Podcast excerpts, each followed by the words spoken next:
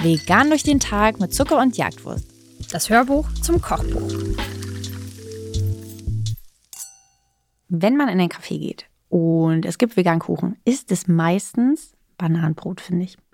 Und über die Zeit hat mich das nicht mehr glücklich gemacht, muss ich sagen. Ähm, ich war irgendwann wirklich so weg vom Bananenbrot. In dieser ganzen Corona-Lockdown-Phase 1, glaube ich, haben ja alle nochmal Bananenbrot wie wild gemacht. Ähm, da war ich auch schon raus.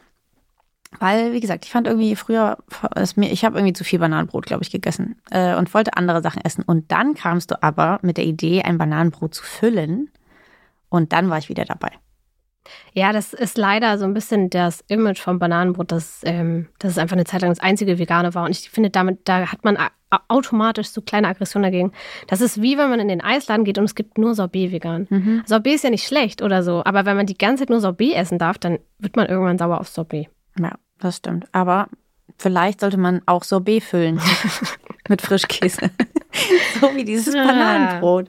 Ja, wir haben uns ähm, überlegt, dass wir ein simples Bananenbrot eigentlich gerne reinnehmen würden, weil es wirklich ähm, nicht so technisch ist, weil es eigentlich keine großen Anforderungen hat, weil es eigentlich jeder machen kann und weil es, finde ich, für mich so ein bisschen auch die Resteküche ist.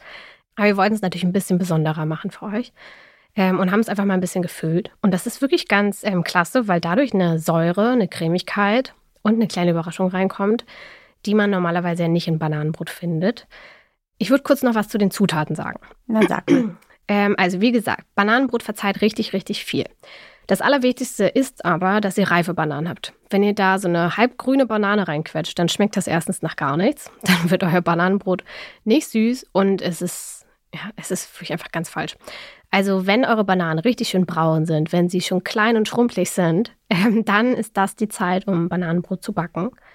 Ansonsten haben wir da noch Apfelmus drin, das könnt ihr auch mit Apfelmark austauschen. Wir haben eine pflanzliche neutrale Milch drin, da könnt ihr aber Hafer, Mandel, Soja, alles nehmen, was ihr wollt. Ihr könnt Dinkelmehl oder Weizenmehl 405 nehmen. Ähm, die Walnusskerne könnt ihr natürlich auch austauschen mit jeglicher Nuss. Ähm, das ist ganz gleich. Die Schokoladentropfen könnt ihr zum Beispiel weglassen. Die könnt ihr aber auch mit Zartbitterschokolade austauschen. Auch das ist egal. Ähm, nur bei der Füllung.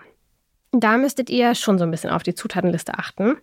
Denn als ich das erste Mal das Bananenbrot gemacht habe, habe ich nur veganen Frischkäse und vegane Creme fraiche da reingeschmiert. Und das hatte zur Folge, dass sich ein riesengroßes Loch über dieser Füllung gebildet hat. Denn das ganze Brot geht ja auf, aber die Füllung nicht.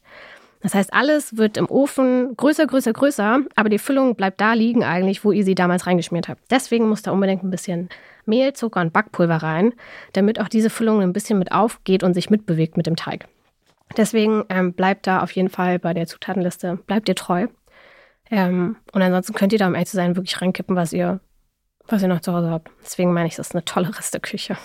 Das klang gerade richtig abenteuerlich, wie du das beschrieben hast mit dem Loch. Ja, es war, es ging dann auch immer nicht weg und dann habe ich rumprobiert, wie viel Mehl braucht man, wie viel Backpulver und naja, aber so funktioniert es auf jeden Fall. Ich habe mich ähm, gerade noch gut. gefragt, als du die Alternativen genannt hast, mhm. ob eigentlich ist es allen Menschen klar, was Apfelmark ist? Weil ich habe ganz lange, für mich war Apfelmus einfach Apfelmus und ich habe überhaupt nicht dran gedacht, dass es auch eine Variante geben könnte, in der kein Zucker davon drin steckt. Ihr könnt das tatsächlich auch selber machen. Also Apfelmark ist ja im Endeffekt 100% pürierter ja. Apfel. In Apfelmus ist noch Zucker hinzugefügt. Ähm, aber auch wenn ihr einen Apfel zu Hause habt, dann könnt ihr den natürlich schälen, entkehren. Ihr könnt auch die Schale nicht dran lassen, eigentlich auch Wurst. Einkochen, einmal durchpurieren, dann habt ihr auch Apfelmark oder Apfelmus, je nachdem, ob ihr noch Zucker reingebt oder nicht. Also das könnt ihr auch selber machen. Es ist ganz gleich. Es funktioniert alles. Voll. Aber weil ich habe, nachdem mir diese Erleuchtung kam, dass ich gemerkt habe, es gibt auch Apfelmus ohne Zucker, ähm, habe ich immer nur noch Apfelmark da. Und wenn ihr das nicht hm. findet, ähm, also es gibt es auf den Bio-Abteilungen, es gibt es auch, es steht auch ziemlich nah beim Apfelmus. Ich hätte eigentlich auch mal drauf kommen können, einfach rundum mal kurz einen halben Meter zu gucken. Und selbst wenn es auch da nicht sein sollte, warum auch immer, gibt es sowas immer sehr gut in Kinderabteilungen bei diesen Breisachen. Mhm. Die sind immer so ganz vorn. Und da gibt es dann nämlich auch nicht nur Apfel, sondern ähm, tendenziell gibt es da übrigens auch andere so ungesüßten Obstmark-Sachen. Also ja. für alle möglichen Sachen. Das ist eine kleine Fundgrube, diese Gläschen bei in der Kinder Abteilung. Könnt ihr auch ersetzen. Also wenn ihr jetzt hier bei den 250 Gramm Apfelmus auch 100 Gramm durch Birnenmark ersetzen wollt oder sonst was, das geht natürlich auch. Im Endeffekt soll das die Masse hier so ein bisschen binden und Feuchtigkeit reinbringen, die neutral schmeckt oder ein bisschen süßer hat.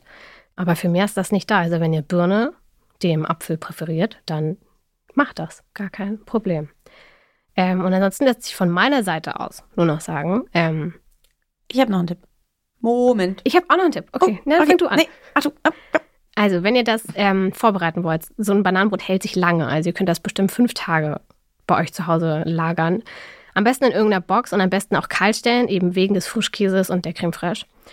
Ansonsten ist das wirklich sehr gut, um vorzubereiten. Also, wenn ihr das Sonntag backt, dann habt ihr die ganze Woche jeden Tag bestimmt eine Scheibe von diesem Bananenbrot. Wahrscheinlich kriegt ihr da sogar zehn oder zwölf Scheiben raus. Ihr könnt also sogar zwei Leute mit versorgen.